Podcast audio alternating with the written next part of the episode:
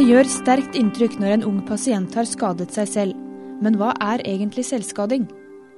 Velkommen til tidsskriftets podkast for nummer 8 2009.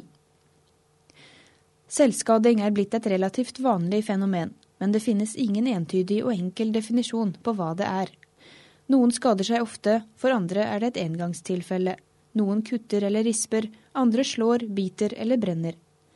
I tidsskriftets temaserie om selvskading, som starter i nummer åtte, har psykolog Bente Sommerfelt og psykiater Finn Skårderud skrevet to av i alt seks artikler. Selvskading som vi tenker på i dag, er, ikke noen diagnose.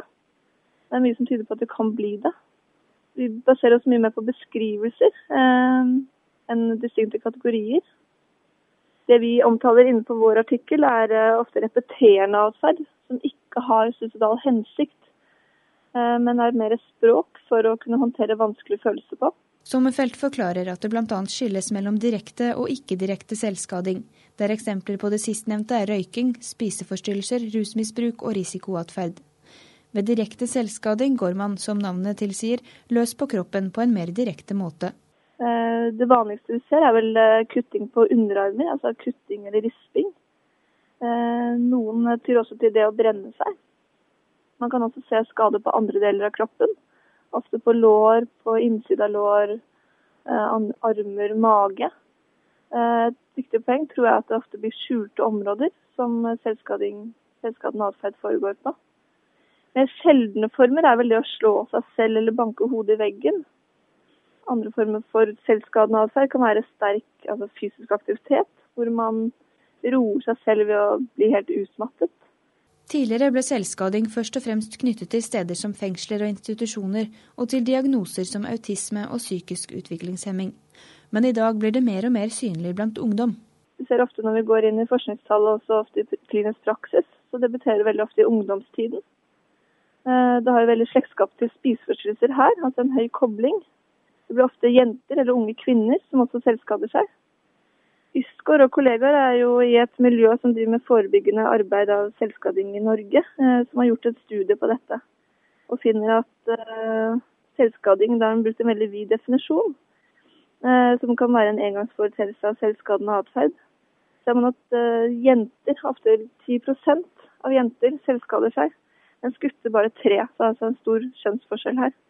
Samlet sett sånn på seks. så det er ganske høy andel som selvskader. Um, når du spør om hvem, så begynner man jo også å komme bort til årsaksforhold og risikoforhold. Eh, og Det er en blanding av både psykiske, og biologiske og sosiale faktorer. Eh, man ser ofte at det er tilknytningsbelastning i oppvekst.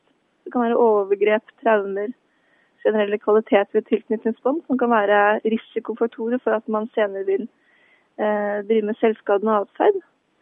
Noen studier finner også at lavere terskel for det å bli aktivert, altså følelsesmessig aktivert, en biologisk sårbarhet kan være en predisponerende forhold for å håndtere Altså de har dårligere kontroll for å håndtere indre uro, og vil kanskje da ty lettere til selvskadende atferd. Hvis det er flere som selvskader seg, så beveger man også innenfor nærmere hva som er normalt. Så jeg tenker at kultur og kulturelle aspekter også er veldig viktig å ta med seg her. Jeg tenker at i mange ungdomsmiljøer så kan det også være trendy, altså det å skade seg selv. Det kan smitte hverandre. Så kan bli et språk som ungdom også bruker. Det kan også tenkes at i enkelte subkultur så kan det være mer av selvskadende atferd enn andre. Det er altså en ganske høy andel ungdom som selvskader seg. Det er likevel vanskelig å si nøyaktig hvor mange, og om det er blitt mer utbredt de siste årene. Mye forskning sier at det er økte forekomster. Eh, men det er i hvert fall en økt synlighet av fenomenet. Eh, det er lite forskning som kan si noe om eh, sammenligning over tid. Det er et ganske nytt uh, forskningsfelt. Men uh, mye tyder på at det er en økning av uh, atferden. I en studie fra England baserer forskerne seg på antall konsultasjoner i helsevesenet, og anslår en økning i villet egenskade på 93% fra 1996 til 2005. Personer som skader seg selv, har ikke nødvendigvis intensjon om å ta sitt eget liv, snarere tvert imot. Veldig ofte så hører man jo pasienter som selvskader seg, at de gjør det snarere tvert imot for å orke å leve. Eh, så det er mer eh, en aktiv atferd for å håndtere noe som de ikke klarer på andre vis. Men man ser også at pasienter som driver med selvskadende atferd, ofte er en stor risiko for senere å ta sitt eget liv. Så det er en, det er en diffus sammenheng her. Man bør alltid på en måte ta en selvmordsvurdering. Men samtidig så tror jeg det også er viktig at uh, behandlere, ikke minst leger også, som møter pasienter som selvskader seg, uh, forsøker å forstå meningen bak atferden. Ja, hvilke leger er det som møter disse pasientene? Alle, vil jeg være fristet til å si. Men det kommer an på om man spør etter det. Det er et skjult fenomen. Og for veldig mange så snakker de ikke om det. Allmennleger vil jo møte dem. Innenfor barne- og ungdomspsykiatriske avdelinger eh, vil leger møte selvskadende atferd. Det er ikke alltid like lett for legene å forstå hvorfor, og det kan utløse mange slags følelser og reaksjoner. Derfor er det viktig at alle leger får mer kunnskap om selvskading, slik at de kan møte pasientene på en profesjonell måte, og være forberedt på hvor tøft et slik møte kan være. Eh, det kan oppleves som eh, veldig dramatisk.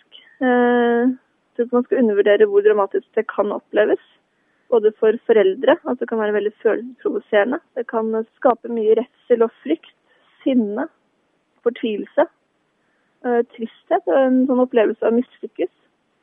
Eh, og jeg tror uten klinisk erfaring og uten noen modeller og måter å forstå det på, så kan vi bli veldig sinte og mektige. Og lettere provosert. Så Derfor er det også veldig viktig å kunne utvikle kunnskap for å forstå og håndtere egne følelser bedre. Eh, det finnes flere hårreisende eksempler på måter pasienter har blitt møtt på. På f.eks. Eh, medisinske akuttposter og legevakten. Hvor de ikke får f.eks. lokal bedøvelse når de skal sy sårene sine. Tidsskriftets temaserie om selvskading går over to numre, nummer åtte og nummer ni. Men alle de seks artiklene er publisert først på nett. Du finner dem altså på tidsskriftet.no. Takk for at du hørte på Tidsskriftets podkast.